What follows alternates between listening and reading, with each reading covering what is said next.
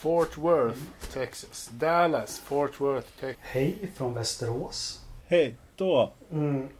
Tre, två, ett, kör. Direkt från Västerås med Jakob Engelmark, Christian Ridderstolpe och Anders Löfström.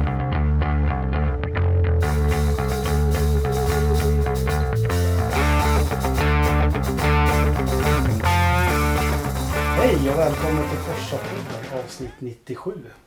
Med en härligt solbrun Christian Ridderstolpe, hur lever livet i pojkängen? I pojkängen. Ja, det är alldeles utomordentligt eh, fint i pojkängen. Ja, du har njutit av Mm. solen idag. Eh, ja, lite grann faktiskt. Men mer i helgen tror jag. Jag var väldigt mycket ute i helgen. Det var bra väder både lördag och söndag. Så jag har ägnat helgen åt trädgårdsarbete. Och med oss i väderpodden har vi även eh, Anders Lövström från Tullinges ytterkanter. Hur är det med foten Anders? Tackar som frågar. Jag har fått mig en spruta, inte i foten men i axeln. Så att jag, eh, eh, och foten, eh, jag får trippa på tå som man säger. Men, men eh, eh, eftersom jag har fått, precis som i sketchen, en spik i foten. Men, men den är på bättringsvägen tack. Mm. Får man inte en spruta i rumpan då? Nej, det var i axeln. Jag fick välja vilken axel dessutom. Det är veneriska sjukdomar. Ja, ja, förlåt. förlåt. Ja, Eh, det var det jag tänkte. Ja, det är klart. och själv från helvetet till Västerås. Det är varmt idag. Bakterierna härdas i den engelmarkska villan här i utkanten av Västerås. Ehm, ja, så är det. Avsnitt 97. Eh, Formel 1 VM 97. Det finns två förare som borde få en utmärkelse som inte har fått det. Förutom att de är världsmästare så borde de få priset till de som har krånglat till en solklar VM-titel eh, och tagit det till sista loppet då det borde vara avgjort efter tio lopp max. Eh, jag tänker på Mika Häkkinen 99 så tänker jag på Jacques Villeneuve, världsmästare 97. Har vi någon 97-minnen? Mm, ja, ja. Jag, eh, alltså jag har kanske inte jättemycket minnen från 97. Eh, annat än det vi pratade om förra, år, förra podden med, med Damon Hill där och Ungerns GP och när han tog, höll på att vinna med den där Arrowsen. Men eh, jag vet inte riktigt. Eh, ja, Villeneuve, var det inte så att han bröt lite grann i början där på säsongen? Ja, han börjar ju säsongen med att och kvala ut fränsen med, jag tror det var 1,8 sekunder tog han pole position med Australien. Eh, gör en dålig start och blir avtagen av Irvine och Herbert i första kurvan. Eh, så första loppet Ja. bryter han, men eh, eh, sen vinner han ju i Brasilien Ja, och i. Argentina. Ja men precis. Men hur fan kunde man ersätta Damon Hill med eh, farens Har- Harald Frentzen? Jo, men det var ju Alltså, klart redan sedan flera år. Ja de hade ju varit efter honom i flera år Ja. precis. Hur i hela friden? Det Jag ryktas ju om att det var Senna som sa på försäsongstesterna 94. Vem är den där killen med körkänslan i Saubern? Och på Okej. den vägen var det. Men jag tycker väl inte så här med facit i hand att Frentzen hade visat upp så där jättemycket 94, 95 och 96. Nej, det kan man väl Nej. inte, inte riktigt säga. Han har väl inte riktigt... Nej, så. Jag, jag tyckte också det var lite konstigt. Eh, eller så, jag förstod det inte riktigt. Eh, faktiskt, eh, 97. Jag förstår inte nu i, i efterhand heller. Egentligen, för att han har inte riktigt känts som en, en, en klockren vinnare så liksom. Eh, sådär. Han, han levde ju på ryk, ryktet att, som det alltid blir, att han var ju den som egentligen var snabbare än Schumacher. Det var ju en Schumacher... Man trodde väl inte med all rätta på Damon Hill efter säsongen 95 som att han var en Schumacher-beater. Eh, som kunde slå honom. Och eh, som jag har fått för mig så gjordes kontraktet klart 95. Sen är det en del som säger i efterhand att det är en del politik bakom. Eh, man hade väl påbörjat förhandlingar med BMW redan då. En Mhm. tysk förare kanske inte skulle sitta fel. Eh, sen var det ju Ralf Schumacher. Men, ja. Men säsongen 97, eh, för att börja lite. Det var ju lite nytt. Regerande världsmästaren i ett bottenstall. Kvalar sist i loppet. Kvalar knappt in till loppet. För den där bilen vill inte gå. eh, Stannar hela tiden. Eh, Marlboro eh, har brutit med McLaren. Kom han till start i Australien överhuvudtaget? Han gjorde inte det. Nej, han tror jag bröt på uppvärmningsvarvet. Ja, precis. Ja. Eh, Förlåt, jag var. Marlboro som har varit med McLaren sedan 1974 har brutit och lägger alla pengar hos Ferrari. Vilket gör att McLaren får en helt ny, nytt utseende som kändes konstigt, kommer jag ihåg, 97. Silvriga bilar Alltså- med West-cigaretter. Ja, just det. Just det. Ja men det var ju helt, det har du rätt i. Det var just det, det var 97 ja. Det var, det var verkligen helt jättemärkligt att se den där i, i silverfärgen när man har varit van att se en rödvit. Ja, förutom en kort period, eller typ ett lopp gulvit då, då men ändå. Och, och Ferrarin var orange hade den blivit. Till det, året. Eh, Eftersom Marlboro klev på lite mer. Eh, På tal om McLaren, de eh, hade inte vunnit ett lopp sedan eh, Australien 93. Och jag tror det var på 50 Grand Prix som de tog sin första seger, alltså på 50 Grand Prix genom David Coulthard som vann första året, eller första loppet på, på Melbourne. Eh, dels som vi sa, Villeneuve fick bryta. Eh, Frentzen ledde ganska komfortabelt men jag kommer ihåg att en bromsskiva gick eh, så han fick också bryta. Så det blev David Coulthard som tog McLarens första seger. Eh, Mm. Lite annat. McLaren var ju verkligen på gång. De hade haft väldigt dåliga år 94, 95, 96 eh, och inte vunnit någonting. Men Få till en bra bil. Eh, Adrian Newey kommer till stallet och sätter säkert blyertsspännaren i lite delar så här på hösten. Och McLaren-bilen börjar gå riktigt fort. Men redan då så ser man att Mercedes-motorn, de, jag tror de bröt tre eller fyra lopp från ledning eh, 97. Eh, men till slut så vinner Coulthard på Monza och Häkkinen får ju en seger uppkörd på Jerez. Eh, har vi några andra roliga minnen? Stewart Grand Prix gör debut. Eh, Ja, Gör de. Eh, Rubens Barrichello kör in på en andra plats i Monaco i regnet. ja. Det måste ju varit, du snackar uppkört men eh, där kan vi ju också snacka uppkört. Ja. Andra platsen eller? Nej men han Ja, nej men han bröt ju, nej men det var bra gjort. Nej men han bröt väl halva säsongen i stort sett. Ja, Eh, Ruben. Ja, det var, det, var, det var brutna tävlingar överallt. Jag kommer inte, du vet säkert Jakob, jag, kan- jag kan googla fram jo, det. men, det var, jo, han bröt mycket. De hade problem att få den där att, att hålla ihop. Eh, Men det var kul att se ett nytt stall eh, överhuvudtaget. Eh, alltså... I, Men 97, när var det något nytt stall innan, innan dess? Liksom, eh, det, det måste ha varit ett tag sedan innan... eh, 94 innan- hade du Eller? Pacific gick ju in 94. Så var det något Ja, mer det, det var massa 94 tror jag. MTV-grejs. Ja, det var Simtech. De körde 94 och Ja. 95 och Pacific körde också. Eh, 90, ja, och sen var det ju... Ja, ja precis. Ja. Förlåt. eh, Ja, men sen var ju Lola va? 97 också. ja, just det. Men det vart ju bara ett lopp Mm. där i Australien. ja, Master ja Lola. precis. Ett, Eh, Vad heter de? Sospiri. Sos- Sospiri och Ricardo Rosé. Jag tror hon var någon så här 15 Mm. sekunder efter pokal eller något sånt. ja, det var helt eh, långsamma var. John Magnusson. Jag satt och letade efter vem fasken som körde med eh, Baricello. Visst var det Ja, det var John som Magnusson. Han fick ju köra 96 och halva 97. Eller 97 och halva 98. Sen tog ju Jos Verstappen över den styrningen i Stewart. Ja men precis, precis. Ja. Nej men eh, jag gillade Stewart. Det var ett, eh, jag tyckte de var kul att se faktiskt. Det, Vem ritade deras Gillade- första bil då? det kommer jag inte ihåg. Alan Jenkins har jag för mig att det var. Han som var i Ferrari Ja, sen. jag har fått för mig att det var han. Äh, ni får slå upp på Google, ni som sitter med det. Ja, Nej, men det är väl den bästa Formel 1-dealen som har gjorts. Jackie Stewart får Ford att betala hela kalaset. Sen driver han det där i tre år och säljer det till Ford. Ja, Ja, det är väl bra. Ja. det var, det var ganska snyggt jobbat faktiskt. Det, måste, det, det håller jag med om.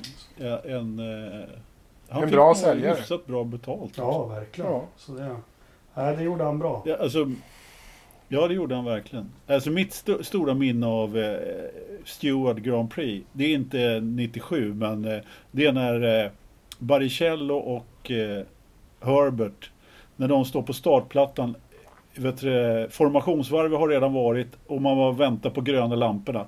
Då ser man en rökpelare från två bilar. Det var 99. Båda. När de hade en bra bil. Ja, de hade en otroligt bra bil 1999 faktiskt. Och, eh, där hade de lite problem. Jag tror Cosworth hade gjort en ny motor. En, jag tror den vägde knappt 90 kilo till och med. Hade bra effekt och så. De hade, jag tror det var Australien det där hände. Rubens hade Ja, kvalat kan och det var vara. femma och så började motorkåpan smälta där. Det minns jag också. Ja, men det, såg, det såg så sjukt ut när det var först en rök, rökpelare och sen en annan och så var det båda Stewart-bilarna. Vad fan. Eh, en annan eh, ridderstolpisk favorit gjorde ju sitt, eh, sin debut 97 med Minardi. Va? Jarno Trulli. Ja, okej. Tåget. Ja, Nej. eh, Nej, nej, nej. Den där lokföraren kan hålla sig på banan. Men det är lite intressant för han var en sån, vi ska ha ett program om det. Eh, förare som har spåtts en väldigt lysande framtid och ja, men Alesi är faktiskt en sån också. Eh, Trulli Ja. debuterade Rising Star ja, i, kallar de ju honom. ja, i Minardi. Sen så Panis som hade inlett året otroligt bra i, i Prostbilen. eh, Bröt benen Mm. i Kanadas Grand Prix. En krasch som man inte har sett. Det är ingen som fick upp kamerabilder på den. Men strunt samma, han bröt benen. Och då fick Trulli ersätta honom i Prost och eh, nästan direkt så går han upp och leder Österrikes Grand Prix ganska övertygande. Och då sätter ju slagsmål om Trullis tjänster igång i depån. Och det pågick ju Mm. alldeles för länge, de slagsmålen. Jo tack. Han, han, han, han fick ju också ett eh, rykte om sig att vara lite väl vild faktiskt. De här inledningsloppen och eh, göra alla möjliga misstag i starten. Jag, jag tror han körde av eh, orsakade, ja men han var ju dåtidens eh, Grosjean i stort sett. Och gjorde massor med avåkningar, eh, startkrascher och körde av folk till höger och vänster. Till slut Mm. så eh, lyckades han väl eh, slipa bort det lite grann men då blev det ju trulligtåg istället lite Så senare. där så kan jag inte vidimera de där uppgifterna. För ingen jag vill kännas vid att han var någon dåtidens Grosjean. Men vi får väl kolla på säsongen 97. Ja, det var han faktiskt. Och eh, han var uppe hos eh, Fia flera gånger. Eller flera gånger. Tre som jag kommer ihåg på rak arm. Men jag kan ju, kommer ju inte ihåg vilka lopp det var naturligtvis. Frankrikes GP var ju ett i alla fall. Men... Eh, ja, ja. Ja. Men 97 i alla fall. Vi behöver inte prata om sista loppet för det har precis alla gjort så mycket det som hände på Jerez. Men eh, Villeneuve satt ju den absolut bästa bilen. Eh, lyckades krångla till det här på något vis och, det såg jäkligt mörkt ut. Han blev diskad där i Japan också så det såg ju mörkt ut ett tag. Och hade lite brutna lopp och strula som sagt men tog det till sista loppet och kör om Schumacher och eh, vinner VM. Gjorde han. Så säga vad man vill om Jacques Villeneuve men han har ju en VM-titel i alla fall. Ja, men på den här tiden så tyckte jag faktiskt att han var helt okej Ja. att, att, att titta på. Han var jättebra. Eh, definitivt. Ja, ja, alltså jag gillar, och det var liksom en liten frisk fläkt som kom in eh, också. Sen, sen var det väl också som så att den här bilen var ju totalt outstanding eh, det här året eh, på riktigt. Eh, Williams hade ju verkligen lyckats få, få, få, få ganska många rätt Mm. eh, på den där. Så att det var väl kanske inte så jättesvårt att vinna med den. Men, eh, men ändå. Sen är det väl som så att det här eh, är... Efter 1997 så har det bara varit europeiska världsmästare. Smart. Till och med till idag. Den var... Den var bra. Mhm. Häftigt. Faktiskt. Ja. Så att det, här, det här är senaste gången en utom-europé vann VM. Det var cool fakta. Tack så mycket. Det har jag inte ens tänkt på. Ja, men faktiskt. Inte jag Det, heller. det är lite gott. Sen är det också senaste gången Williams gjorde någonting bra. Ja, tyvärr. lite bra 2003 då. Men eh, se- senaste Ja. VM de tog. Senaste VM och sånt där. Ja, absolut. Senaste gången Alltså- de var på riktigt. Hade de inte nå- när var deras senaste pallplats då? Det var ju 2014 va? Eller? Ja, 15 måste väl Bottas och 16. 15 kanske till och Nej, med. Lance Stroll 2017. Ja, jo, Han kom då, trea den, någonstans. Ja. Men det, den räknar inte jag. Nej. nej, du räknar, han räknar ju aldrig. Nej. Ja, men då var det 15 då, eller 16. Var det. Ja. Nej, Fan, men, det börjar bli så jävla länge sedan. Ja. Usch vad tråkigt. nej, men Ja. så, det var väl säsongen 97. Sista året med breda bilar och slicks på ett bra tag också. Eh, året efter gick de över till de här räfflade däcken och bilen blev Mm. höga och fula och smala och konstiga. Eh, Ja, det tog ett tag att vänja sig vid 98 vad fan vad obehagliga de var att titta på.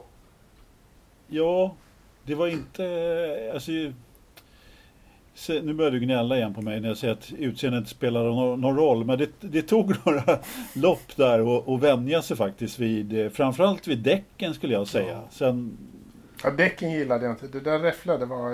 eh, Och fra, nej, det framdäcken var såg ju så gigantiska Var inte de precis lika stora som bakdäcken? Ja, såg. Ja, jättekonstigt ut. nästan, ja, jag tror att det där, de där spåren i däcken gjorde mycket.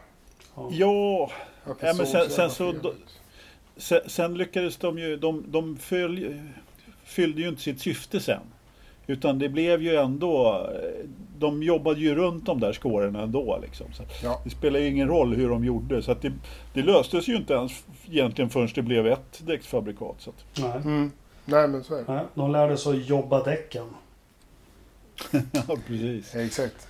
Ja men bra. Nej, men det var ju mycket väl- snack om att slita ner däcken till, så, så, till mellanrummet. Och, ja, men det var och mycket sådana jävla tekniska grejer med, med reg, regelverket där som höll på. Och så där. Nej, jag gillar inte de där skålarna. Nej, bort med dem. Eh, Max Mosley har gjort mycket bra. Det där var väl en av de sämre sakerna han har gjort. Mm. Det och den här... Var det verkligen han som låg bakom det? Ja, kanske. Och han drev på det väldigt hårt med, med säkerhet och allting. Okej. Men du, det var väl, eller ni, ska inte dua er. Eh, det var väl det om säsongen 97. Finns det något annat? Ja, Alesi körde slut på soppan Ja. i, i Australien. Ja, för han vägrade komma in i Ja, han vägrade. Han hade bra flow. Så han bara körde och körde. Alltså, Stör mig inte, jag kör. Alltså den där säsongen var ju bara helt katastrofal egentligen. Det, det började ju redan säsongen innan också. 97 var ju, ja, men det var så mycket konstiga fel så jag vet inte vad det var. Ja, någonstans. Berger, Nej, men Berger tar sin det- sista seger på Hockenheim. Det får man inte glömma. Precis vad jag skulle Ja, säga. just. Han går ju dessutom i, eh, han, han slutar ju köra efter 97 va? Ja, han har precis, Ja. eh, precis kommit tillbaka. Alex Wurz har ersatt honom när han hade någon bihåleinflammation eller något och missat två lopp. Och så dör hans pappa hastigt. Så han ska begrava Precis. honom inför Tyskland. Så får han reda på att han inte är önskvärd 98 också. Eh, Men då gör han det som en riktig racerförare gör. Han sätter bilen på pole position och vinner. Japp. Det var riktigt snyggt gjort. Jag eh, gillar honom lite mer för den segern eh, än idag. Eh, Men, det var också kul att se det först. Alltså Alex Wurz. Jag vet inte. Ja, men han kvalade in med Trulli också. för... Nej men han, han, Ja, han, det, eh, han är lite... han var ju next man coming. Han kom ju på pallen i sitt andra lopp på Silverstone. Eh, det var ju sån här, honom ska vi ha. Men Ja, nej, men han, han var också precis en sån här lite rising star som kanske inte blev sin fulla potential. Liksom. Han var för lång. Och, och, 1,82 eller något sånt ja, där. nej, men han, det var ju så. nej, han var alldeles han, var, han är nog 1,88 eller något sånt. Men till och med han sa i Ja, någon kanske. intervju att han hade utrönt hur han skulle kunna kapa sina ben vid knäskålarna. Nej. Ja, men det fanns någon sån operation. För han, dels fick han ju inte plats i bilen. Sen så, ja, skelett väger ju faktiskt. Något, ja. Ja, men det var, det var Ja. ett av problemen för honom därför han störde luftflödet till airboxen. Det, det var liksom, men jag menar nu för tiden så är ju inte alla som Jacques Villeneuve som de var då. Alltså, Nej. jag menar då var all, jag, jag vet inte, han var ju ganska egen, eh, ensam om att vara så lång i det fältet. Jag kom, kan inte komma på någon annan. Så, jag vet inte hur lång Micke är men han är ju, ty- han är ju dvärg jämfört med Wurz. Ja, Berger är ju hyfsat lång. Han har också haft problem att, att klämma sig ner i Ja, fast men det- han är, han är inte hyfsat lång. Han är är kanske en inte. 80 då, men Berger. Ja. Men, eh, nej men han var, han, det, det störde honom en del naturligtvis. Så är det ju. Ja, jag gillar inte Alex Wurz. Det är något, något obehagligt med honom. Vad fan var det för grej? Han, han hade ju någon... eh, Vad var det för krock han hade där i hårnålen till... Ja, han eh, och Schumacher boxades ju på, Ja. i Monaco rätt bra. Ja, jo det gjorde de. 98 var det. Mm. Eh, Men för att återgå till 97 så tog väl Mika sin första seger. Ja, Jerez. Uppkört som fan. En riktigt Ja, det är klart det. fin seger. ja. Ja, men det var väl hela fältet backade väl av och släppte förbi honom på sista varvet. ja, ja. Ja, Jo, men så eh, Hur skulle det annars eh, sett ut? ja. Ja, han fick väl tillbaka segern därifrån. eh, Coulthard hade... De de hade någon uppgörelse eller? Nej, det var bara Ron som nu... Uppgörelsen var ju att McLaren-bilarna inte störde Villeneuve i början av loppet. Och då gjorde de någon Ja. snabb deal där att... Ja, i slutet av loppet att då får de släppa förbi McLaren-föraren. Men sen ville ju... Sen ville ju Ron så gärna att Mika skulle få sin första seger så att... Det blev... Coulthard fick släppa förbi honom. Och det ångrar han väl än idag. För det som händer loppet efter det loppet vinner ju ofta också Mika Häkkinen. Han tar alltså sin Ja. andra seger. Eh, två på Mm. raken. Och det loppet får David Coulthard också släppa förbi honom i.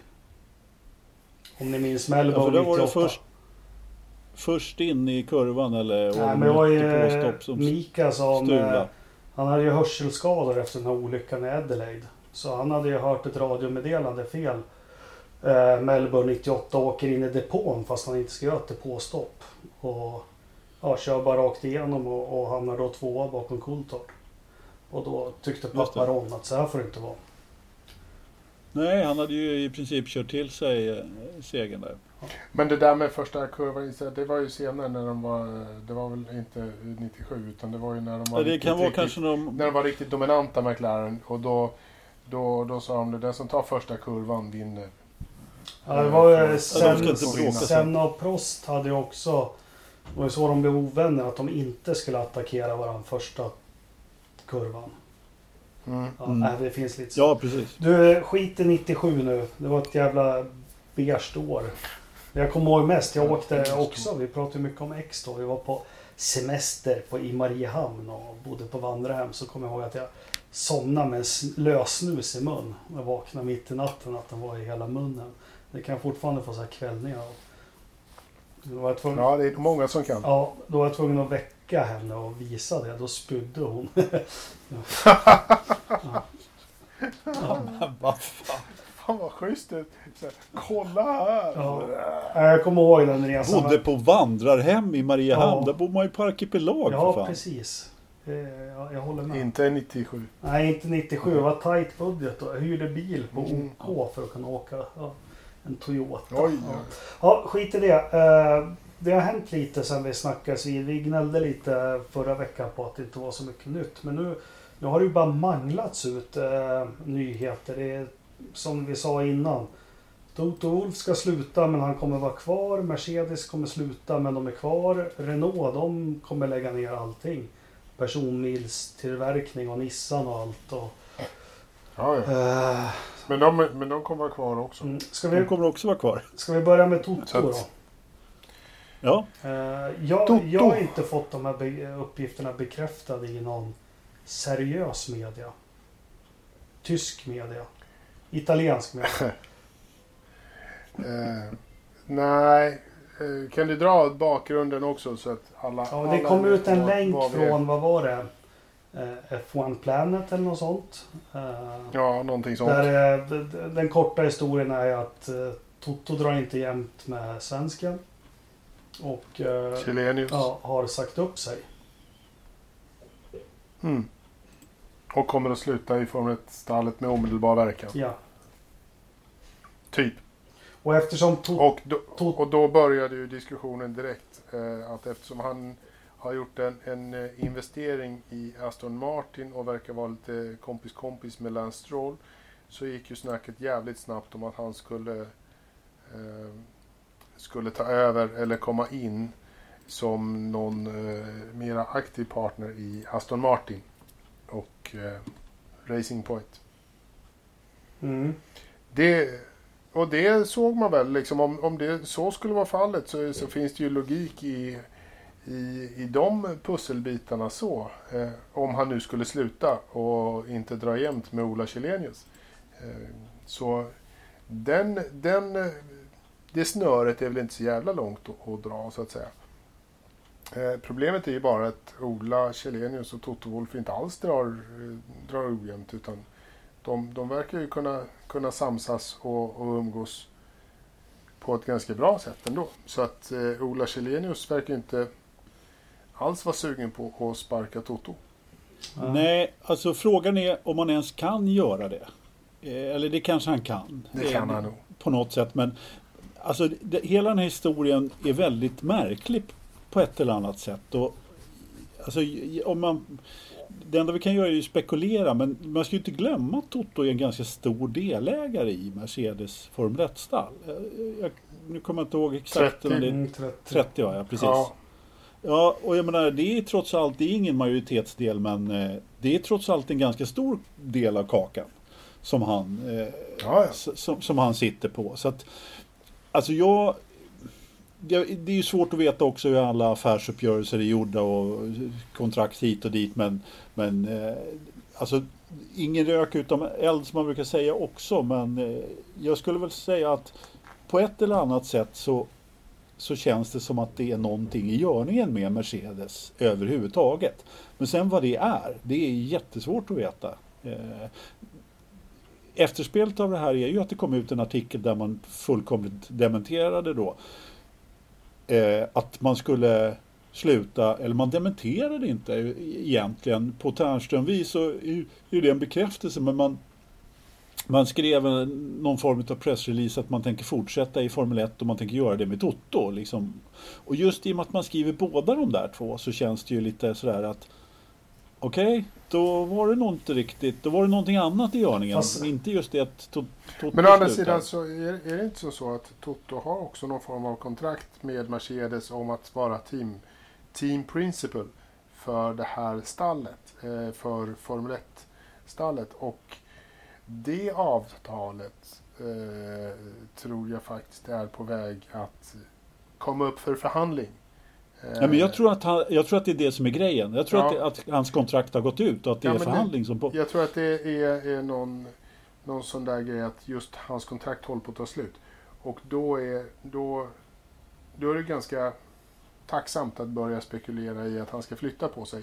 Men sen är det ju då problemet att han äger en tredjedel av hela skiten. Liksom. Och ja, det är men... inte bara att bli av med. Liksom. Nej men frågan är ju Mercedes framtid här helt enkelt. Det kan helt enkelt vara så att man inte hade eh, klubbat beslutet att man skulle vara kvar i Formel 1 på, på, på det sättet. Eh, fram, liksom efter 2021 då som det mm. egentligen mm. var. Eller deras kontrakt med Liberty går ju ut nu. Eh, ja. Och, och, så det kan, helt enkelt vara, det kan helt enkelt vara en sån grej att någonting som då har sipprat lite grann. Någon som har läckt lite grann. Jag vet inte. Jag tror eller, eller, så, eller så vill Toto köpa stallet. Det är så här, Mercedes vill ut och det blir Toto GP av det hela. Så kan det, oh, det, kan, så kan det definitivt vara. Vad Personligen, men det är bara spekulationer. Man kan ju välja ingen rök utan eld eller så kan man välja att eh, Nu finns det ju ingen eld någonstans för det är pandemi. Så då kommer det, då kör man på en massa rök överallt. Men jag tror personligen, och det är bara spekulationer, inget belägg för det. Vad fan ska Toto Wolff vilja ligga med Aston Martin för?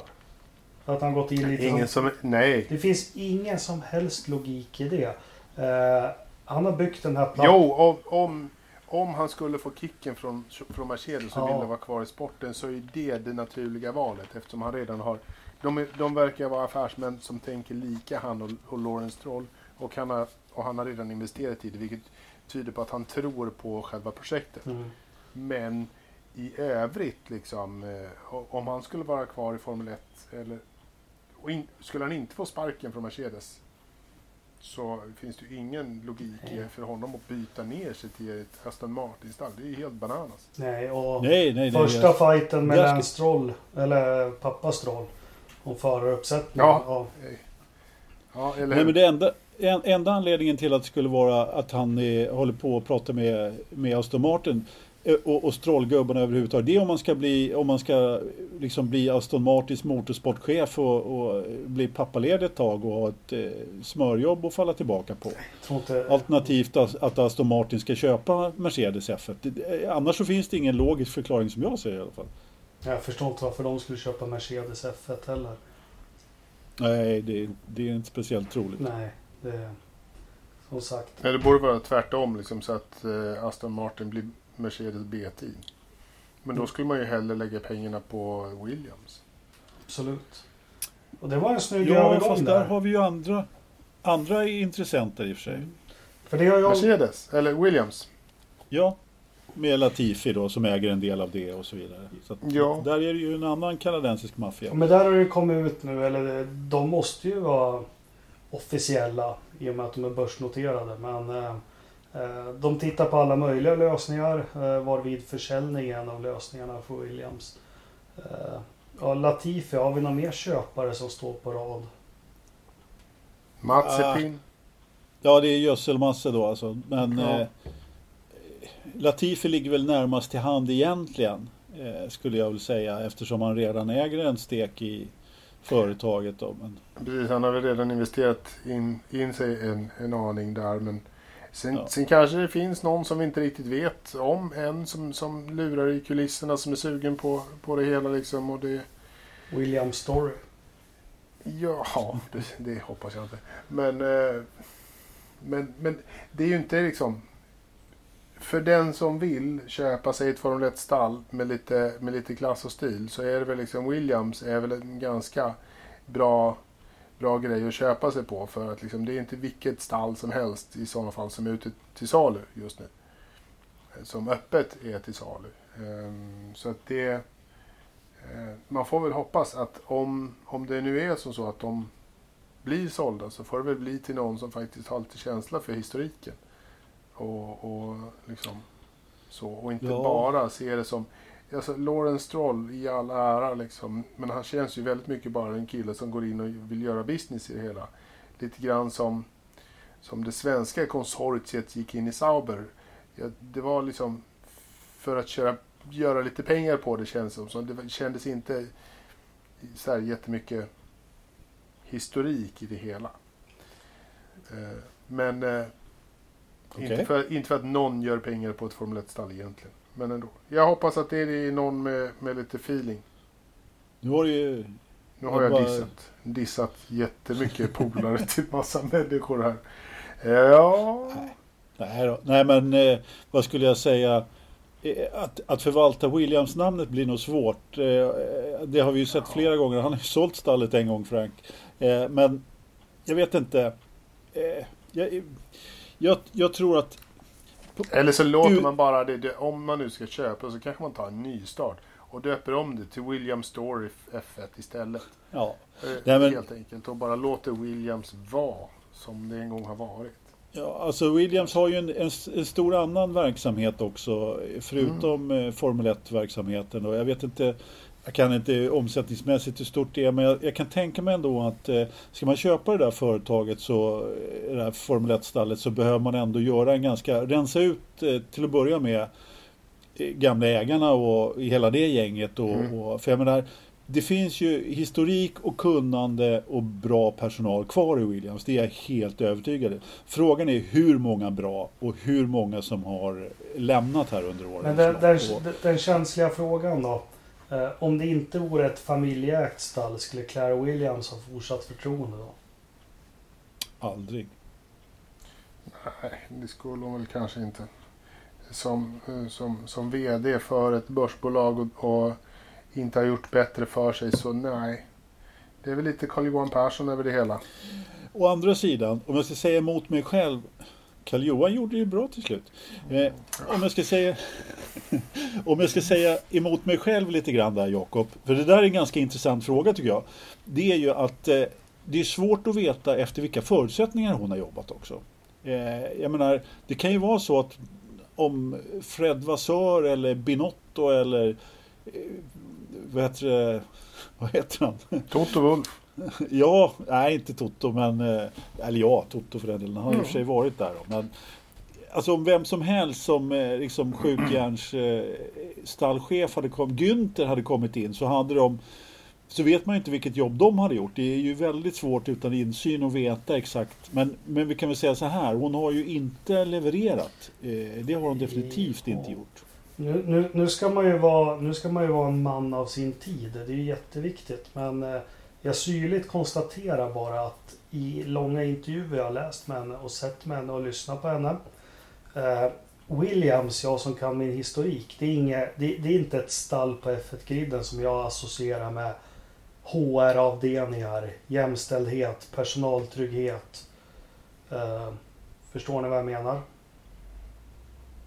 Typ? Ja, gamla, gamla farbröder, racers liksom. Man ska vinna lopp, det är det och så kuska runt. Men hon har ju varit väldigt inne på att eh, förändra det här företaget. Och nu, nu, är det ju inte Frank och Patrick längre och, och 30 andra som, som kuskar runt. Utan det är 600-700 anställda. Så, men hon pratar väldigt mycket om, om sådana saker i intervjuer. Hur hon försöker transformera det här bolaget.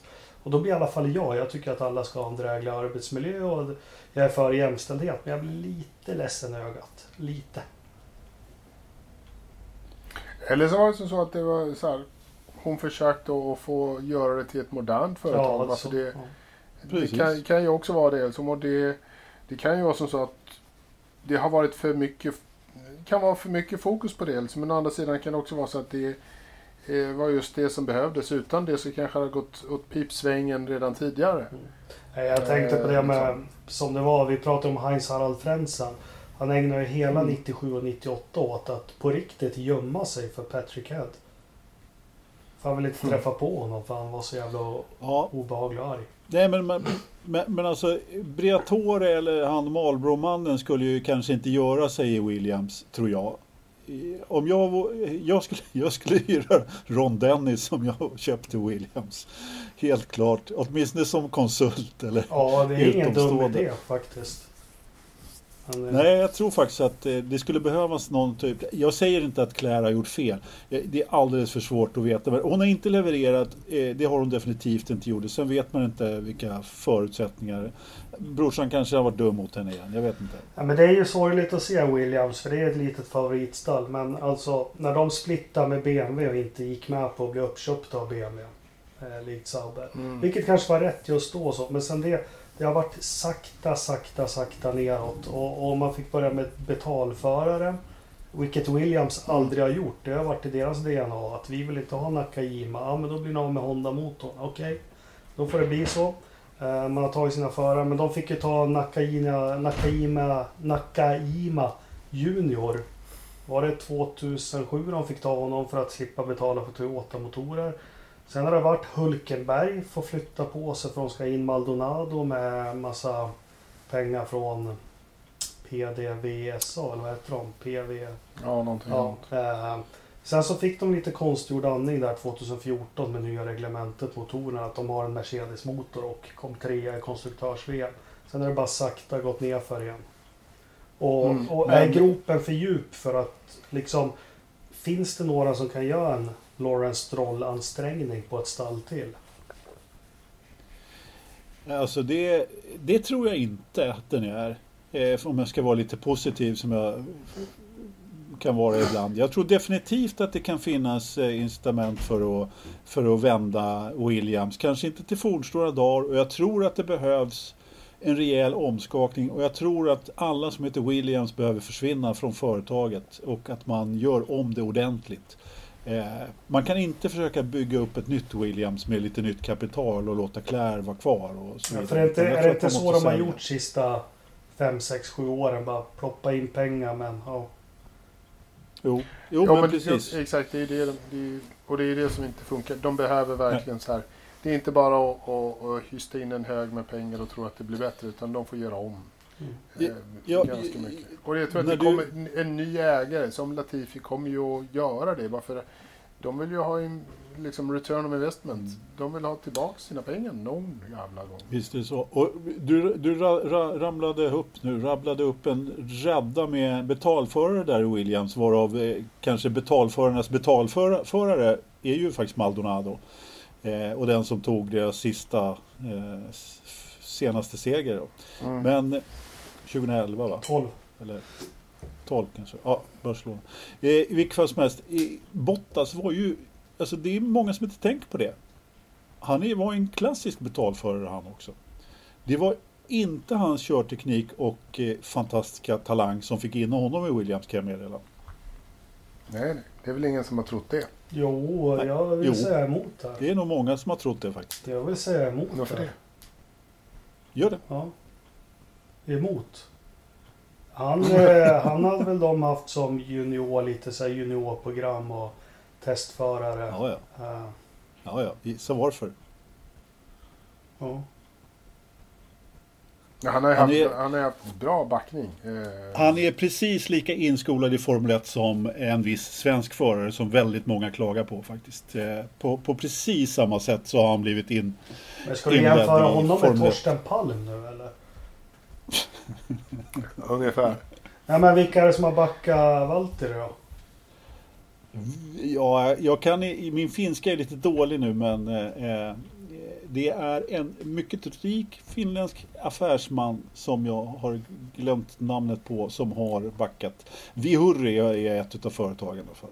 Så, men han, han, är ju, han har ju faktiskt haft lite namn, lite, eh, lite lappar på bilarna i alla fall. Han har inte, de har inte varit... Eh, De har inte varit så hemliga som med Marcus utan de har åtminstone Nej, inte liksom alls haft som, lite eh, reklam sin, på sina inte grejer. alls lika hemlig som Finn Rausing, nej. Alltså. Marcus klistrade dit Sill-Anna, det tycker jag är det bästa. Sill-Anna. Sillan. Ja, hon var med. Ja. Ja men vi får väl se, det de gjorde är en också... hommage till midsommar. Precis, det de gjorde också... Ja. Det de också gjorde, Williams gick ut med att de har terminerat eller avslutat samarbete med Rocket. Eh, Ja, Då börjar Ternström, åh men Ja. det för de vill sälja teamet. Då vill man inte, det tror jag inte heller ett skit på för du vill väl ha inkromat värde i ditt företag när du säljer det? Nej, det är, det är klart som fan att det inte är för att de vill sälja teamet för att de har tagit bort en stor sponsor. Det var ju titelsponsorn. Det var ju, jag måste bara säga att jag tycker det var jävligt bra gjort ändå, för bilen var ju så ful. Men, men, inte, Men inte säger de upp sponsoravtalet med dem för att de vill sälja teamet. Nej, Nej. nej, nej, Nej. Så- nej, nej. För det här Rocket, det är ingenting jag får några bra vibbar av. De ska tillverka väldigt billiga mobiltelefoner va? Ja, Det beror Ja. lite på. Rocket, eh, det finns ju typ fem eh, olika eh, rätt stora bolag och Rocket Mobile är en av dem som antingen har mobiltelefoner eller så har de mobiltelefonabonnemang eller så här, mobiltelefonskal eller jag vet inte fan. Men har de att göra med, för det är många på mitt jobb och ja, men som alltid säger, men Jakob det där kan du fixa, det är ingen rocket science. Ja, Rocket Ja, det är de. Science är ett annat bolag också. Jaha. Jaha, jag trodde det var något sånt. Att, då tänker jag, ja, ja, ja rocket. Ja, ja. ja. Ja. Nej, men det är väl illavarslande också. De har väl aldrig känt sig, jag har ingen stor eh, koll på dem. Men, det har väl inte Men varför har man sagt upp, varför har man sagt upp kontraktet med Rocket? Ja, men Ternström har ju någon mardröm att man förbereder en försäljning och då vill man inte att sponsorkontrakt ska hänga med. Men det är ju bland det, faktiskt det. Jag högaktar ju Ternström men det är det är ju så korkat. För det är som alla inkromade värden eller goodwill i ett företag. Nu, nu är det så att nu är inte Ternström här kan försvara sig. Nej, Nej, och jag, och jag var Därför kör vi samma- över. Samma, jag var inne på samma tråd som, som honom. Så därför undrar jag liksom varför gjorde man sig då av med Rocket? Ja, nej men det finns ingen som kan svara på det. Det enda är ju att eh, det finns ju ett par olika orsaker till att det kan ha hänt att, att sponsorn försvinner. Ett, de har inte betalat det de ska. Då, då kan ni ta Ja, pick och pack och, och dra liksom. Nummer två, eh, Rocket vill inte slänga in mer pengar i Williams. Då drar de och så säger man att ja, men ni får säga att ni har sagt upp avtalet med oss. Och så vidare. Jag menar, det är ju, det är ju så det jag brukar... tror det har med... Inte en chans att inte en chans att Williams har tackat nej till att stoppa in miljoner i, för, i stallet. Absolut inte. Nej, och jag... Williams har inte tackat nej till att, till att Rocket skulle, skulle ge dem en massa pengar. Nej, det är klart de Nej, inte har. nej, nej, nej. Nej, nej, då, då, då är de ju dumma. Men, men eh, om man nu vill köpa eh, Williams. Eh, ja, då kanske man vill köpa dem med en huvudsponsor. Men å andra sidan, det beror ju på avtalet.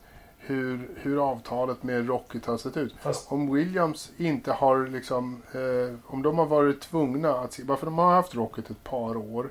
Mm. Eh, Ett, ja. nu. Ja, men Ja, ett ja. och kanske två nu då med, med 2020. Eh, hade de inte, 2018 var någonting annat. Ehm, om det var liksom ett jävligt dåligt avtal eh, som, som visade sig att nu har de inte kört någonting så nu skulle Rocket egentligen kunna få, om man inte eh, sa upp avtalet innan den sista maj 2020 så skulle Rocket få en jävla massa grejer och, och liksom kunna få finnas kvar på bilarna typ gratis eller någonting under 2020, 2021 eller något sånt där. Jag tror ju att det är något skulle- sånt coronaspår ja. Ja, men det är någonting sånt där som gör att, som, som gör att de, de vill ta bort det, eh, se till att det inte finns kvar och eh, göra att det här dåliga avtalet inte finns kvar. Bara för nu är man ändå i den här taskiga sitsen att man behöver sig. Jag tror att det är kopplat till en försäljning. Till ett erbjudande av eh, F1-stallet. Att det erbjudandet har kommit ut. Och då är liksom Rockets eh, terminering också eh, på något sätt kopplat till det här. Tror jag. ja. jag tror att avtalet har varit jävligt dåligt. Bara för jag tror faktiskt att man hade så galet jävla dålig ekonomi när de skrev det här eh, Rocket-avtalet. Att man faktiskt har varit tvingad till att eh, göra de mest eh, hänsynslösa dåliga skrifterna i det. Ja men det... Och nu, och nu får man inte tillräckligt mycket för det så det är lika bra som om vi ändå måste sälja skiten så ska vi fan inte ha det här kvar i alla fall. Det kan ju även vara en Rich Kennedy-historia som man bara har valt att avsluta snyggare. Ja, Ni det kassa, vi vill inte man- sponsra längre. Okej, vi går skilda vägar. S- Ja, men Sen kanske- Ro- det är Ro- Rocket det är- håller ju på att slå sig in på en marknad som är rätt överhettad. Och de kanske inte har tid heller att sitta och vänta på att den här cirkusen ska dra igång. Nej. Nej men jag, jag får ju kanske inte Rich Energy-vibbar men lite, lite åt det hållet helt klart. Helt klart. Mm. Nej, Det är, inget, det. det är inte ens, inte ens Sky vi- killarna vet ju vad Rocket egentligen gör. Och det, ska, det här ska ju vara liksom deras hemmamarknad, Storbritannien, Rocket. Eh, och, och då så här, eh, de här killarna har väl ändå lite koll på... på så här, vi vet ju åtminstone vilka Elgiganten är. Eh, så att det är lite på den nivån. Ja, men vi, vi utlyser som vi gjorde, som du vet Ridderstolpe, att den som, den som kan komma med en Rocket-telefon till oss är välkommen in i studion och spela in en... Ja, ja, är vi, Akta för, akta för fan, ni blir fast. ja man blir... Ja, Ja, det, för Djur. det ska vi inte prata för om. nytillkomna lyssnare så kan vi berätta att det var så Ridderstolpe kom med i post, podden. Han, han, han dansade in med en låda med Rich Energy på i våran studio och sen dess så har vi inte blivit av med fan. Svårare än så är det snacka- inte när vi... Snacka om betalförare. Ja, bet, betalpoddare. Ja. Ja. Eh, nej, ja, det kommer jag ihåg. Det var högtidligt när du kom in där. Ja, ja. Ja, det var- det var som en grekisk gammal gud. Gled in där avslappnat med en platta Rich Energy som han hade burit runt störigt på tunnelbanan också. ja, ja, ja, för fan. Eh, ja, vi får se vad som händer med Williams. Vi, vi har ju lite annat i Formel 1 också. Nu har det bekräftats lite lopp. Eh, Anders, vill du berätta mer? Ja, det, är, det kan jag göra. Det kan jag definitivt göra. Eh, det är väl egentligen det som man har sagt hela tiden att den här eh, kalendern då. För man, man har ju gjort om kalendern lite grann då. Att eh, man har tänkt sig nu att börja i Österrike 5 juli och så köra ett lopp till därefter. Och sen var ju tanken då att det skulle vara ledigt en helg eh, och sen Storbritannien då två helger. Men nu har man ju stoppat in Ungern däremellan då. Vilket gör att det kommer fram. Ja, den 17 då. Eh, 17, 19 blir det. 19. Ja, helgen, ja, 19. 19. Helgen Fem. emellan där i alla fall. 5, 12, 19. Och sen är det en dubbel i Silverstone. Det är tanken ja, precis. Som, som nu är bekräftat att de har fått eh, exemption. Att de har fått ett undantag för lite tuffare Ja. coronaregler. För annars hade det aldrig gått med ett Silverstone. Nej, Eh, för Och- att och- och- det funkar och grejen är att det, det man har, det, alltså det är ju ingenting som är bekräftat att de kör, men det är ju det här som Liberty har jobbat för hela tiden och det är det här som man har velat få till stånd. Så att om jag får gissa så kommer det en bekräftelse ganska snart från Formel 1 också. Man har ju sagt att man kommer med ett uttalande här i, i början på veckan också. Så att vi får väl se. Det kanske dyker upp precis när vi har slutat spela in eller någonting. Eh, ett, en officiell bekräftelse. Men i och med att man har fått de här liksom, försäkringarna från eh, eh, myndigheterna så, mm. så är det ju det var ju det hindret som var till för att undanröjas egentligen. Att man samarbetar med myndigheterna och, och gör på ett visst sätt då enligt alla konstens regler och man har ju tänkt ut exakt hur man ska göra och, utan publik. Och det var tydligen max 80 pers eh, varav mm. 60 jobbar med direkt med bilen om jag förstod det hela rätt. Ja, som skulle... 80 pers per, per stall va? Ja, per stall. Ja. Och de får inte interagera med de övriga stallen. Och, äh, det var mera, flera sådana här... Måste, eh, måste, kan de inte vara smarta nu? Budgettak kommer här nu nästa år. De måste skära. Varför 80 pers? 40? Ja. För att 80 pers är ganska lågt. Jo, jag vet. Det krävs ju 15 stycken för att starta motorn. Men, men, ja, ja, men, eller hur? Ja, men, men jag tycker så här, varför inte fortsätta? Och ha ja. max 80 pers på, på racing. Varför ska de behöva få, varför, om det funkar, varför ska vi vara 200 i framtiden? Mm. Var, varför det? Det funkar med 80, sätt gränsen där. Precis. Bara, alltså, Britta det... får med så är jag glad. Britta, Britta är alltid med. Ja, bra. Sebastian eh. Vettels Britta.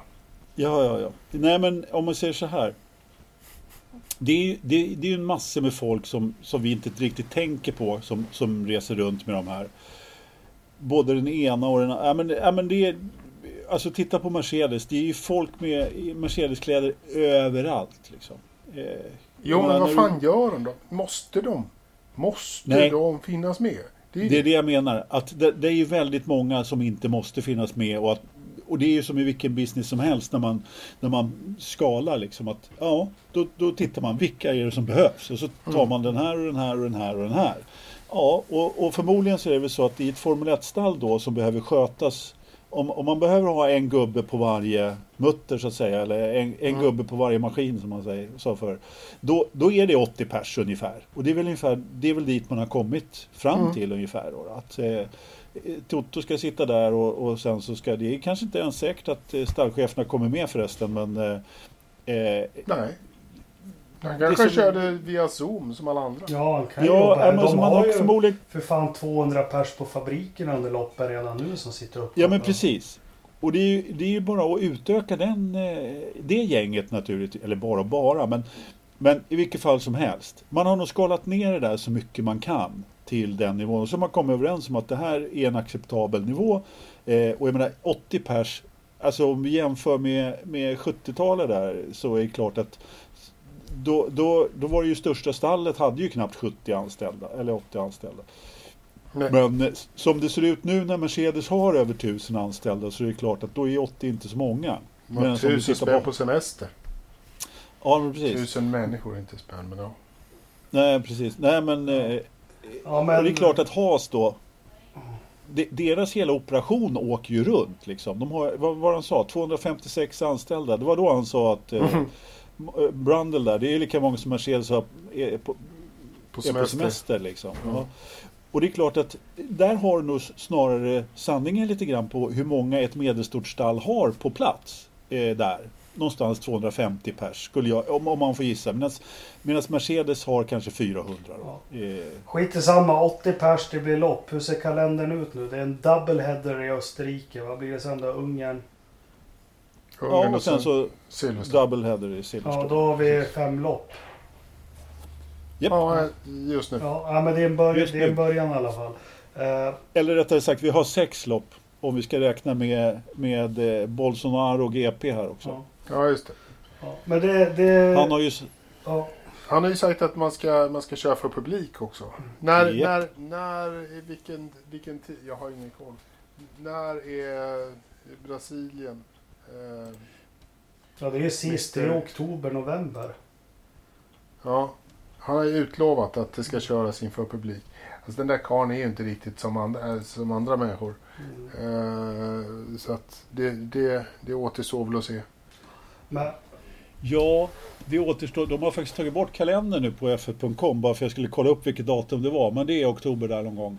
Här för mig. Nej men eh, vi kanske inte ska prata jättemycket politik men han är ju en fullkomligt galen pingstvän som som tycker att man ska samla 100 000 människor på en Formel 1-läktare under en pandemi. Och det kan ju vem som helst förstå att det kommer inte sluta väl. Liksom, om, om det inte har avtagit väldigt mycket. Så att, ja, ja, men, i, men i hans lilla världsbubbla så finns det ju inte så mycket till pandemi heller. Så att han, han är, jag vet inte riktigt vilken, vad, han, vad han sysslar med. Jag tror att eh, om man inte får styrsel på Brasiliens GP från Libertys sida, det vill säga så att man kommer att minimera antalet som åker dit och har samma strikta regler som tidigare, så kommer det inte bli något Brasiliens GP. Det är jag ganska övertygad om faktiskt. Om man inte kan eh, få, liksom, säkerställa personalens säkerhet där. Ja, men det, det, bör, det börjar, börjar pipa iväg med lopp nu i alla fall. Och det är väl kanske det som behövs. att snöbollen kommer i rullningar och blir större och större. Men det, det ryktades ju om, eh, är det bekräftat det här med omvänd startordning och grejer? Nej, det är inte nej, bekräftat. Nej, nej, nej. Snackat. Ja, det är snackat. Men det är lördags. Man pratar väl så att man ska skita i, eh, i kvalet eh, på lördagen och så ska man köra ett sprintrace eh, på lördagen.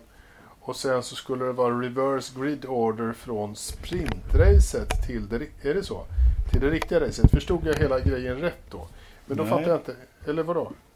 Nej, reverse grid order på loppet efter. Så att vi kör den femte. Då, eh, då kommer Lewis Hamilton att vinna med Valtteri Bottas tvåa. Och, och massa människor sen 3, 4, 5. Men i, är det topp 10 som man vänder?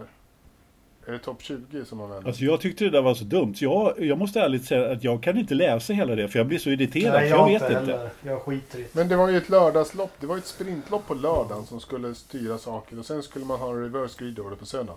Så att loppet den femte styr, har okay. ingenting med loppet den tolfte att göra. Så fattade jag det hela. Men okay. då fattar jag inte liksom det... Varför, varför ska jag köra jättefort på, på lördagen när det loppet inte betyder någonting?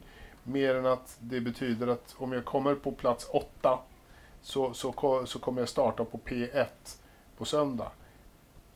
Det sprintloppet är ju, är ju helt menlöst. Om det inte ger några poäng eller vad som helst mer än att det styr startordningen dagen ja, jag håller med. Ja, det, alltså, det, känns, full... det känns konstigt. Ja, jag, jag, tror inte man ska hålla på och mixtra för mycket nu om vi får igång Formel 1. Utan det kommer bli jäkligt mycket nytt för oss med ja, formaten och så. Så jag, nej, det där får de fan tänka till på. Det ska vara 12 varvs kval på, på lördagen. Punkt slut. ja, nej, men alltså här, här kan man ju, man kan ju säga vad man vill om omvänd startordning för att göra show av det hela. Och, eh, jag, jag vet inte riktigt eh, jag är ingen stor fan av eh, den här typen av när man ska jämna ut fält och grejer. Det är klart att vid en första anblick så blir det ju i vissa serier så gör man det med med eh, den äran, Nascar till exempel och australiska V8 Cars och allt vad det är för någonting. Men alltså, hallå, kom igen. Formel 1. Där måste jag jag måste hålla med Ternström där som skriver att man måste veta vad sitt, alltså sitt DNA är på något sätt och inte komma med den där typen. Och man har ju redan börjat med DRS och lite andra grejer då på lite konstgjord väg och jag gillar inte alls det där, liksom just att på, på konstgjord väg skapa spänning för den tiden. Då är man inne i en farlig spiral alltså. Som vi gör allt för att försöka bryta just nu dessutom. För den här spiralen Exakt. har ju hållit på i ganska många år. Och nu gör de ju sitt. Nu försöker ju Ross Braun ta bort. Och, och försöker, man, man pratar ju skitmycket om att så här, återgå och sånt där. Så att, mm, mm. Grid Girls. Ja, och, och, alltså Christian Horner har ju gått ut och sagt att han tycker att det är ett perfekt tillfälle att pröva reverse Vi, grid. Då, då. Vilket det i och för sig är. Om man nu ska göra någonting så är det liksom så här när, när världen ändå är helt jävla konstig. Så kan man ju testa någonting konstigt för att det är så här. Shit same, vi kommer ju sitta där och titta på skiten ändå. Så att ja. eh, om det nu ska göras någon gång så är det väl egentligen nu det ska testas. För att den här säsongen kommer ju ändå bli någon konstig historie, eh, ett eget jävla lexikon. Liksom. Så, eh, jag, jag, vet inte om jag kommer ihåg riktigt hur du eh, förklarade det här. Men, men eh, jag, jag, var tvungen att ta fram det här bara, bara för jag tycker jag, jag har, som, som jag sa, jag har inte ens läst det för jag tycker det var så dumt så att klockorna stannar. The grid for the short Saturday sprint race would be the reverse of the championship order. With Jaha. further details yet to be established. Så att, så, så, att, så att Robert Kubica kommer alltid starta först på sprintracet? Det är sprintracet där man har reverse grid order. Mm. Ja, okej. Okay, så nej. Sprint... Ja, men, ja. ja, jag, blir, jag blir irriterad känner jag mest. Men det är lika det också ni är inne på. Det kommer ju något helt nytt regelpaket här nu med. Och jag, jag ja. ser ju vart de vill komma men ah, det är för komplicerat. Ja, men alltså regelpaketet är en sak. Där är jag helt med. Där, där, det kan man styra på, på helt andra... Eh, alltså, där, där eh, tror jag att man kommer, är på rätt väg. Men just det här när man ska eh, köra balance och performance bara för att få underhållning. Jag menar nej. Men, men tänk de här inte. nya reglerna nu. Och, och det sporten behöver det är nya tittare. Vi, vi är ju döda snart och har nya höfter och allt möjligt. Men eh, så ska du förklara för 13-åringar. Ja men du jag kollade förra helgen och det. Ja men de får vara mindre i vindtunneln och, och, och köra mindre dataprogram. För att om du kommer så då får du bara göra 80% av tiden. Om du, alltså, fan det blir inget bra. Nej, men just därför så tror jag att man är på rätt nivå eh, med, med de nya bilarna där det är mindre, mer standardiserade delar bilarna ser mer ja, fast likadana ut. det är också jättekrångligt här år ett och år två med standardiserade saker. Uh. Ja, krångligt är det ju, men det har ju alltid varit krångligt med Formel 1 i och ja, för sig. Ja, men nu är det ju eh. krångligare än någonsin. Alltså, uh, ja, strunt i samma. Jo, jag, men visst är det så. Ja, jag, är alltså, jag, jag säger inte... Ja, men jag säger inte emot dig för att regelboken är liksom hur tjock som helst. Men det är fortfarande så tror jag att den här nya regeln, det, det gjorde, man, gjorde att man var på rätt spår. Sen kom ju det här då och ställde allting på ända. Jag tror inte man ska hålla på och dribbla med format nu. Format på tävlingshelger. Det man kan göra är att tajta ihop det och, och, och, och skippa fredagen bara för att få ett eh, bättre paket. Liksom, och trycka ihop lite grann och, och eh, sådär. Men inte hålla på och ta bort eh, och göra sådana här hittepå-prylar. Alltså, det blir bara fel ett kval är ju faktiskt ändå ganska intressant. Eh, och, ja, herregud. Och det är liksom... Eh, det är en av de... Det, det, är en fungerande del i, i en racehelg. Eh, så att, att förändra den kanske inte riktigt är det första man ska fundera på. Bara för det, det funkar Nej, varför, ju. Det varför fixa något som inte är trasigt? Nej, det funkar ju med de här 3D, Q1, Q2, Q3. Det, ja.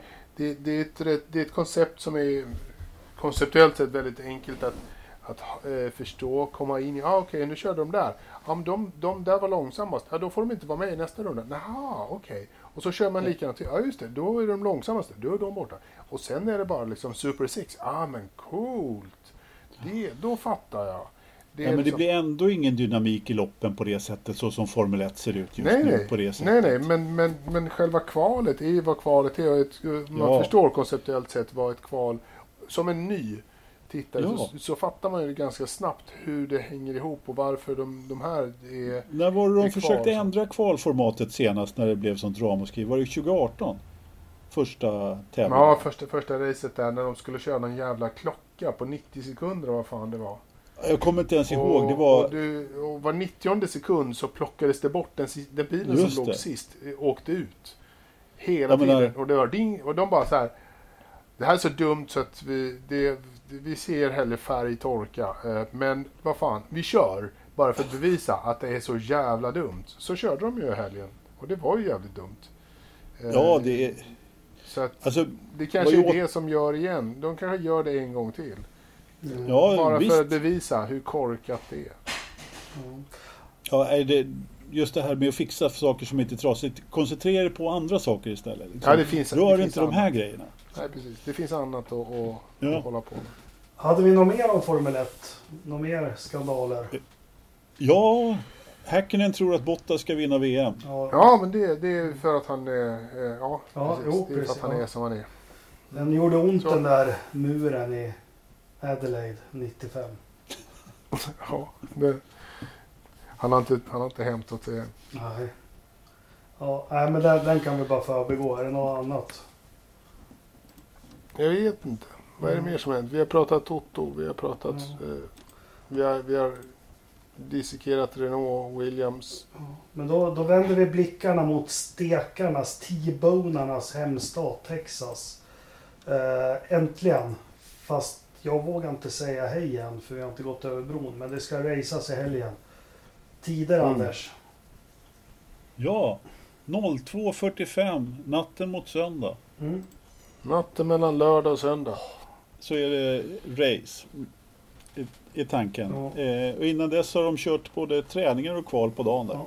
Är ni sugna? Eller på natten. Men, ja.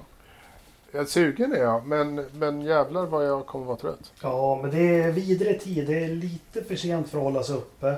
Och det är lite för tidigt för att gå upp. Mm, Man får... det är ju det. Ja. Jag, jag har inte riktigt bestämt mig för vilket jag ska välja än. Om jag ska hålla mig uppe eller om jag ska gå upp. Ja, jag tror att jag kommer gå upp. hybridare tror jag. Ja.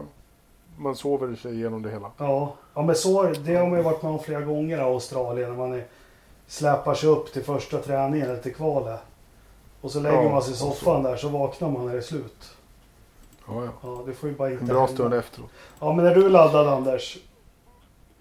Ja, inte så faktiskt som jag trodde att jag skulle vara. Kanske jag är, jag är lite långsam i starten här. Jag har inte riktigt kommit igång än. Men eh, det ska, jag gillar inte heller det här. Vi pratade om det förut att det är Texas man kör igång. Det var Ternström gillar inte det heller alls. Jag. På något sätt så känns det fel ändå. Men eh, vad fan. Det, man får ju ta det, det man får här nu. Så att eh, jag kommer att vara oerhört laddad på lördag. Det är jag helt övertygad om. Ja. Bra. Ja, men det är inte så mycket att snacka upp om det där. Bara köra igång racet. Sen blir det jätteroligt nästa veckas podd att ha någonting att prata kring. Något handfast. Analysera racet. Eh, Marcus Ja. sektortider på ovalen. Ja men precis. Ja. Han var väl, han var ju med rätt bra förra året. Eh, han är alltid bra med. sjua tror jag. Ja, På Texas. På Om inte är Texas? helt, Ja, okej. Om jag inte är helt ute och cyklar. Faktiskt. Så topp 10 definitivt. Men nu tror jag att de... Alltså nu är jag ute och cyklar igen lite grann. Eh, eller på tunn is. Visst var det väl så att de skulle köra några färre varv i år va? Så att det blev lite kortare. De Ingen aning. tre, nej, 300. Var, varför skulle de köra några varv kortare? För Nej att, men för att de inte... Nej men för att det inte skulle bli lika mycket... Ja men i och med att de har kört hela dagen och kvalat på samma dag. Så att de skulle Jaha. komprimera lite grann. ja, det var väl det vi, men det var väl det vi funderade på. Nej men precis. Nej men det var väl så här kortare. Det var väl det vi funderade på förra gången. Eh, att, att de här sista tio varven eh, på, i Texas kommer ju bli helt sinnessjukt jobbiga. De sista tio, liksom när du har kört både träning och kval och sen eh, 300. Liksom det, du, du är ju inte människa i kroppen liksom efter 180 varv där. Nej, precis. Alltså förra året så körde man ju 248 varv va? Det måste, vara- alltså, du måste vara helt, helt slut i kroppen. Efter 100 Ja. varv. Eh, Ja. Och då har du 150 kvar. Ja. Typ. Men eh, vet ni vad? Det, det är dags för oss att eh, runda av det här. Och eh, något väder på, på eh, Okej. Grövelsjön. Just det det. tar vi och skippar för dagen, eller? Ja, det kan vi definitivt göra. Eh, vi, vi, vi, har, vi har lite... Vi, där, vi, har lite, eh, vi har lite tekniska problem återigen. Så att, eh, vi hade en fråga som vi, skulle, som vi skulle ta den här veckan med lite Ja, middagsgäster. Vi, vi skippar den och så tar vi den nästa. Eh, nästa vecka istället. Och sen så hoppar vi över. Vi kan... Ja, vad fan, vi kan väl dra vädret du och jag. Nej, varför Vi ska kan vi inte ha- ha det? Vi kan inte ha en podd utan väder, Christian. Det går ju faktiskt inte. Det, jag vill inte ha en podd utan väder. Vi måste Nej. titta på... Jag tar fram vädret Vad ska jag ha? Ja, ja, ja. Men eh, väder. Det, det, det är klart vi kan eh, prata väder. Det, Det är molnigt i Grövelsjön. det är molnigt i Grövelsjön. Men Ja, det har ju noll varit kom- 25 grader varmt tror jag. Eller hur? 0,4 meter i sekund. eh, Inget regn. Väst 292,5 grad. 18,9 grader faktiskt. 18,9 u- ute nu. Ja, Oj. Men då är det ju... ehm, det är Ja. säkert 24 grader i datorförrådet då. nej, 25,6. Jäklar! Det har Pip- börjat eh, det har- pipa iväg. På riktigt pipa iväg liksom. Nu har vi verkligen så här, eh, uttrycket i sitt rätta, rätta element. Ja, Det, Ja, det men nu- på. Ja, men då blev det ett litet snabbväder också. Vi ber om ursäkt att eh, Jakob försvann ut. Han, han hade lite ärenden han skulle uträtta. eh, Så att han... eh, Han blev ursäktad för, för kvällen. Ja, men precis. Så avslutar jag och Ridderstolpe. Så återkommer vi med en utförligare rapport om Genesis 300 på nästa måndag i avsnitt 98. Ja. Tack för att ni lyssnar. Ha det bra. Tack och hej! Eh, Ferrucci är en idiot också. Hej då!